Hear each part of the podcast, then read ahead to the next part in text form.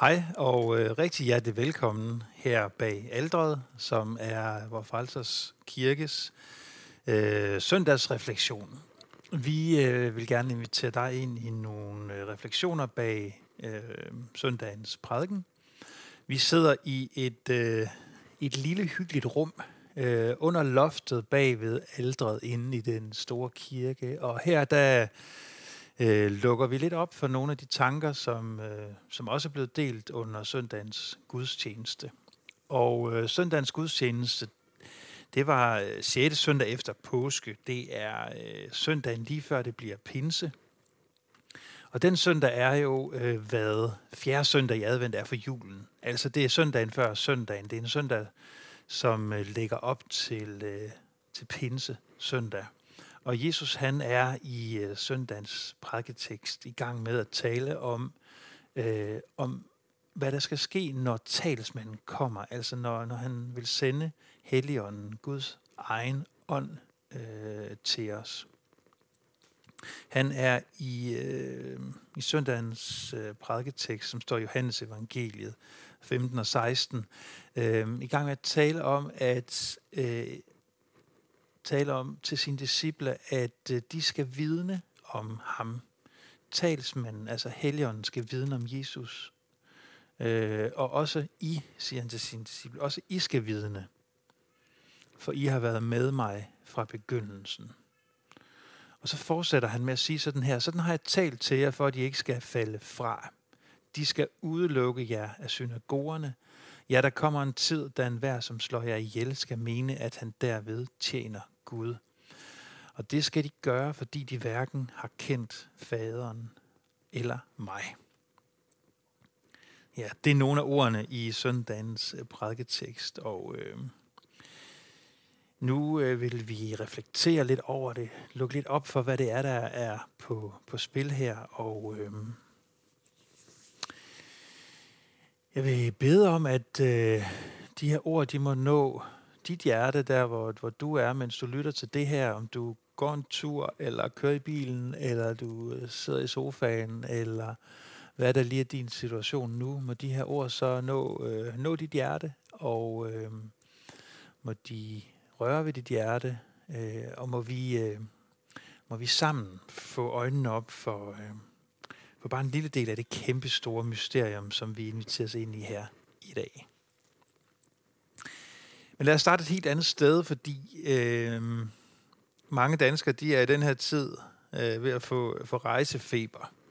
Vi er lige i den tid, hvor øh, rejsevejledningerne efter coronapandemien er begyndt at blive løsnet lidt op. Og øh, mange danskere de øh, sidder nu og kigger på, øh, på reklamer for, for rejser til nogle af deres yndlingsrejsemål. Min kone og jeg besøgt for, forleden en, en mand, der var i 80'erne. Han sad i sin lænestol og læste en tur går til Cuba. Øh, det synes jeg var ambitiøst øh, og ret sejt gået.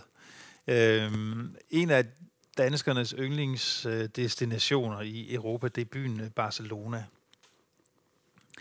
Og øh, der var jeg for nogle få år siden, øh, og øh, i byen Barcelona, der findes øh, den meget, meget kendte og fantastiske øh, katedral, der hedder La Sagrada Familia, altså den hellige familie. Det, var, det er en kirke, som der er blevet bygget på i, i næsten 140 år nu, øh, og den er, ikke, den er endnu ikke helt færdig. Øh, hovedarkitekten bag kirken, det er den øh, katalanske arkitekt Antonio Gaudi, som øh, som selv ønskede, at Sagrada Familia-kirken, det skulle være hele folkets kirke. Og øhm, han, han, han tegnede øh, den her øh, fantastiske øh, katedral, som rejser sig i Barcelona, og som er godt i gang med faktisk at blive den højeste kirkebygning i, i hele verden. Det er også Spaniens øh, største turistattraktion. Øh, mere end 9.000 mennesker besøger i gennemsnit dagligt øh, den her kirke. Altså, når der ikke er øh, pandemi og verdenskrig og sådan noget. Men øh, Gaudi han dedikerede en øh, stor del af sit øh, liv til at øh, tegne og øh, stå for byggeriet af den her kirke. Der er, skal være i alt 18 tårne på kirken. Gaudi han nåede kun selv at se to af dem blive, øh, blive rejst, øh, før han blev kørt over af en sporvogn i Barcelonas gader. Øh, på det tidspunkt havde han bygget på kirken i, i årvis. Han havde dedikeret al sin tid til det. Han, han sov på en feltmadras i kirken. Han havde ikke tid til at spise ordentligt, og var, øh, øh, var også kendt for at være ret lurvet øh, klædt. Han gik ikke op i ret meget andet på det her tidspunkt, end at, end at øh, bygge den her kirke. Øh, det fortælles faktisk om ham, at han på et tidspunkt øh, donerer sin gamle jakke til en tigger i Barcelonas gader, men tiggeren øh, nægter at tage imod den jakke, fordi den alligevel var for lurvet. Øhm, og øh, Gaudi han bliver så i øh, 1926 alvorligt kvæstet i forbindelse med, at han bliver kørt ned af en sporvogn i Barcelonas gader. Øh, og øh, det var først en del timer efter, at han blev indlagt på et af byens hospitaler, at han blev genkendt som den store berømte arkitekt. Og tre dage senere, senere døde, døde han så på hospitalet. Øhm, det er en virkelig, virkelig fascinerende kirke at gå rundt i. Øh, den er helt sin egen, øh, og der er en meget, meget særlig atmosfære og stemning, og øh, meget, meget spændende, synes jeg, arkitektur øh, i, den, øh, i den bygning. Men det, der gjorde øh, størst indtryk på mig, da jeg, øh, da jeg besøgte kirken sammen med min kone og der nogle gode, rigtig gode venner, øh, det, var, øh, det var at få, øh, få lidt indsigt i historien øh, bag kirken. Det var sådan, da Gaudi byggede kirken, da, øh, og, og tegnede tårnene, og så, så var der flere af de ting, han tegnede, som man ikke på det tidspunkt vidste, hvordan man skulle kunne bygge sådan rent øh, byggeteknisk. Men han øh, tegnede de her ting alligevel, øh, fordi det var hans drøm, at det skulle se sådan ud, og så øh, tegnede han i tro og tillid til, at øh, der ville komme løsninger, og der ville komme penge øh, til hans projekt.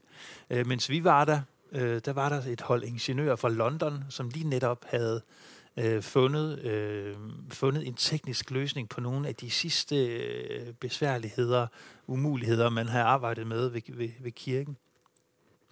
Og nu er kirken altså ikke ret langt fra at, at være helt færdig, men der er stadigvæk nogle få års byggeri tilbage øh, endnu. Men, øh, og, og Gaudi han vidste jo også, at han aldrig selv ville komme til at se fuldendelsen af sin kirke her han øh, kunne godt regne ud, at øh, det ikke blev ham, der kom til at sætte det sidste kirketårn på, og at han ikke ville være med til, til åbningsceremonien. Øh, og jeg blev grebet af den her tanke. Øh, tænk at have tro, håb og kærlighed nok til at investere sig selv, sin drømme, sit liv, sit engagement i noget, man ved, man ikke selv kommer til at se komme til fuldendelse. Uh, jeg blev, uh, jeg blev sådan fascineret og grebet af, af skønheden i den måde at, uh, at leve på. Tænk at have tro, håb og kærlighed nok til at investere sig selv øh, i noget, man godt selv ved, man ikke kommer til at se fuldendelsen af. Det synes jeg er et kæmpe øh, vidnesbyrd. Og, øh, og så græder familiekirken, den er jo også, står jo også selv som et vidnesbyrd om Jesus. Den kaldes også øh, et af verdens største kristne digte i sten. Øh, fordi den er, den er bygget for at skulle være et vidnesbyrd om Jesus og om det, han har gjort. Øh, så græder familiekirken træder ind i, øh, træder ind i den tradition, øh, af øh, kristne mennesker, som har hørt Jesus sagt det her til sig, også I skal vidne. I jeres tid, på jeres sted, skal I vidne. Fordi det, som Jesus han har gjort, det skal ikke gå i glemmebogen. Det skal fortælles til hver eneste ny generation. Det sagde Jesus altså til sine første disciple. Ikke fordi de var et særligt begavet eller talentfuldt hold af mennesker, men fordi øh, Guds egen ånd, talsmanden, Helligånden, var med dem og gik foran dem. Så det gjorde de. De vidnede, de insisterede på, at i Kristus er noget helt nyt kommet ind i verden. Og, og pludselig så man der i det første århundrede en gruppe af mennesker, som ikke var defineret og baseret sig selv på etnicitet, på økonomisk formåen, på social placering i samfundet, men på troen på Kristus. Og man så fra begyndelsen af de følgende århundreder øh, en global bevægelse sprede sig fra mund til mund, fra by til by, fra land til land, fra verdensdel til verdensdel. Og hver eneste mund og hver eneste hånd, der rakte budskabet videre, investerede, så at sige, lidt ligesom Gaudi gjorde det, øh, investerede i skabelsen af noget, som de ikke selv ville komme til at se fuldendelsen af. Men der var sket noget, som grundlæggende forandrede verden. De grundlæggende tektoniske plader, kan man sige, under, under menneskets eksistens blev øh, forandret og rystet, og verden ville aldrig blive den samme igen. For Guds søn havde taget en tjeners skikkelse på. Han havde identificeret sig med alle denne verdens kæmpende, lidende, syge, ensomme, tvivlende mennesker. Han var blevet lydig indtil døden på et kors, og han var steget dybt ned i dødsriget, hvor han opgav ånden og døde efter at have lidt det, som for alle mennesker var helt utænkeligt, at Guds egen søn skulle lide, nemlig den, en ydmygende, smertefuld død på et, et kors. Ham, som var Gud lige, havde taget skændslen og skammen på sig. Det gjorde han i en, i en verden, i en brutal, antik romersk verden, hvor den stærke havde ret, hvor historien altid ville blive skrevet af sejrherren. Der blev, der blev Gud selv svag og lod sig besejre. Han gjorde sig til lige med de udstødte, de vanvittige, de uværdige. Og det kors, som han blev hængt på, det kors, som var en skændsel og en hån, og som ville få det til at løbe koldt ned ad ryggen af angst på en vær i den romerske verden i det første århundrede. Det er i dag et symbol på tro, håb og kærlighed. Dengang, der var korset jo for en romersk borger det endegyldige tegn på at være blevet besejret, på at være blevet ydmyget af den stærke. Det var et tegn på brutalitet og på herskermentalitet romerne korsfæstede mennesker, når de skulle vise, hvem det var, der bestemte. Men Jesus han forvandlede korset, som altså var fremstillet til ondskab og lidelse og magt. Og han forvandlede det til et tegn på Guds grænseløse barmhjertighed med os i Jesus Kristus. Det kors, det vidner Helligånden om. Det kors, det peger Helligånden på. Det kors, det tegner vi for vores børn, når vi bærer dem til dåben. Vi smykker vores grave med korset, når vi bærer vores døde ud på kirkegården. Vi bærer måske korset om halsen, eller vi tatoverer det på vores krop. Vi maler korset i vores kirker. Vi synger om korset i vores sange. Det er korset, som vi ikke kan undvære som kristen symbolik. Og det er også korset, som de først driver ned, når de ødelægger kirker rundt omkring i verden, og når de har gjort det i historiens løb. Det er korset, de vil have væk, have fjernet, når de skal lave fælles religiøse bederum rundt omkring. Det er korset, som helligånden vidner om, som de tvinger folk til at vende sig væk fra, når de vil tvinge kristne til at afsave deres tro. Og det er korset, som Jesus svarer hele verdens nød med. Og det er det svar på verdens nød, som kristendommen vil kendes og bedømmes på. Det, der skete på det kors, skal aldrig nogensinde glemmes. Helligånden vidner om det kors, vidner om Jesus og det, han gjorde der. Fordi ham, som døde der. Han forandrede verdenshistorien og stadigvæk forandrer liv. Og det er derfor, de kristne aldrig kan blive trætte af at vidne om, fortælle om, digte om, male øh, det Guds ansigt, som vi ser i Jesus på korset, fordi vi der finder tilgivelse og kærlighed, forsoning og håb og heling og øh, nye muligheder, hvor vi ikke havde ventet at finde det. De første kristne fortalte, at de havde set ham i live, at ham, som var død, var lyslevende, at han var konge, at han var herre over døden. Og, og nogle, af, nogle af dem blev ledet ud, andre blev banket, andre blev jaget ud af byerne.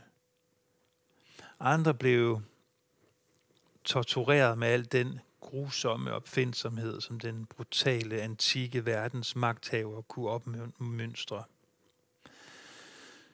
Nogle af de kristne i de første århundrede blev overhældt med brandbare væske og brugt som fakler i Roms mørke gader. Andre blev iklædt dyrehud og sluppet ind til løver og andre vilde dyr i cirkusmanden i Nesien, hvor folkemængden kunne se dem blive flået levende. Også I skal vidne, havde Jesus sagt til dem, og det gjorde de så. De fleste af dem mindre spektakulært heldigvis, men fra mund til mund, fra hånd til hånd. I deres helt almindelige hverdagsliv levede og døde de med den drøm, at det budskab skulle nå til verdens ende, at Jesus er Kristus. At Gud ikke er alt muligt andet. At han ikke er en luftig fornemmelse eller et eller andet udefinerbart mellem himmel og jord, men at Jesus er Gud. At Jesus er Herre. At Jesus er Kristus. Det er om ham, der skal vidnes. Det er ham, Helligånden vidner om, peger på. Og det er værd at bygge tusindvis af katedraler for. Det er værd at skrive og digte og synge om til tidernes ende. Forleden var der et, et barn, der spurgte mig, hvorfor bygger man egentlig kirker? Og det kan man jo give mange svar på, i hvert fald når man er præst, som jeg er. Men noget af det er, at det gør vi lige præcis, fordi også vi skal vidne. Fordi der skal være steder, hvor det budskab bliver forkyndt. Og der, hvor kristne mennesker har slået sig ned, der har de altid bygget kirker. Nogle gange i stuen derhjemme. Nogle gange i naturen, eller ude på torvet, eller i forsamlingshuset. Nogle gange så har de samlet penge og sten til at bygge et hus, som skulle stå for eftertiden. Vi er her i vores Frelsers Kirke, som er en kirke fra 1902. Vi ligger i en bydel tæt på Aalborg centrum. Men der i begyndelsen af 1900-tallet, der var der ikke en bydel her, hvor vi er endnu. Men da Aalborg, den begyndte at udvide sig, som Danmarks byer jo gjorde i de der år, hvor urbaniseringen trak store grupper af mennesker ind til byerne, så besluttede man, så var der mennesker, der besluttede, at selvfølgelig skal der også her, på det her sted, være et hus, hvor mennesker kan kunne komme til at høre det budskab. Det kunne de gøre, når de forventningsfulde og højtidelige kommer med et nyt menneske og bærer det til dåben. Eller når de knude af sorgen bærer et elsket menneske ud.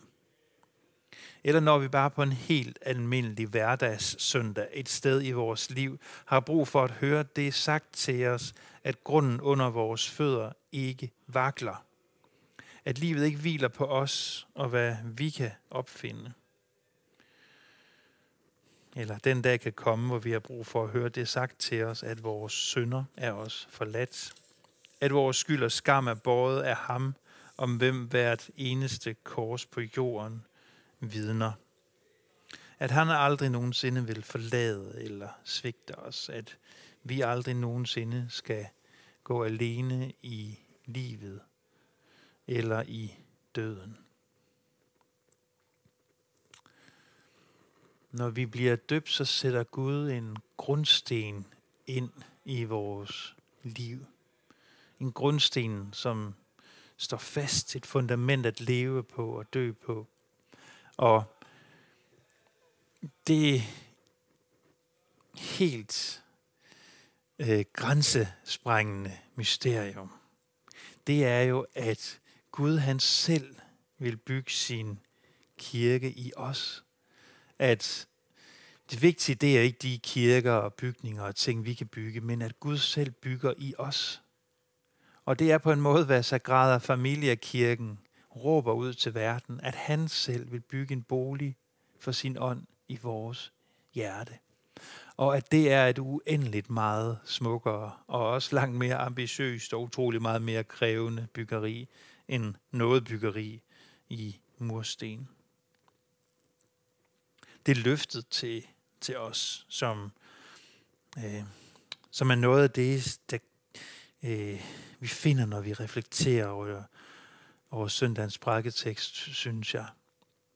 At Jesus han lover os, at Helligånden aldrig vil holde op med at bygge i vores hjerter. At øhm, han bliver ved med at reparere og hele og bygge op. Øh, at lige sådan som vi er, tager Gud bolig hos os, og han bygger den smukkeste øh, katedral i vores hjerter.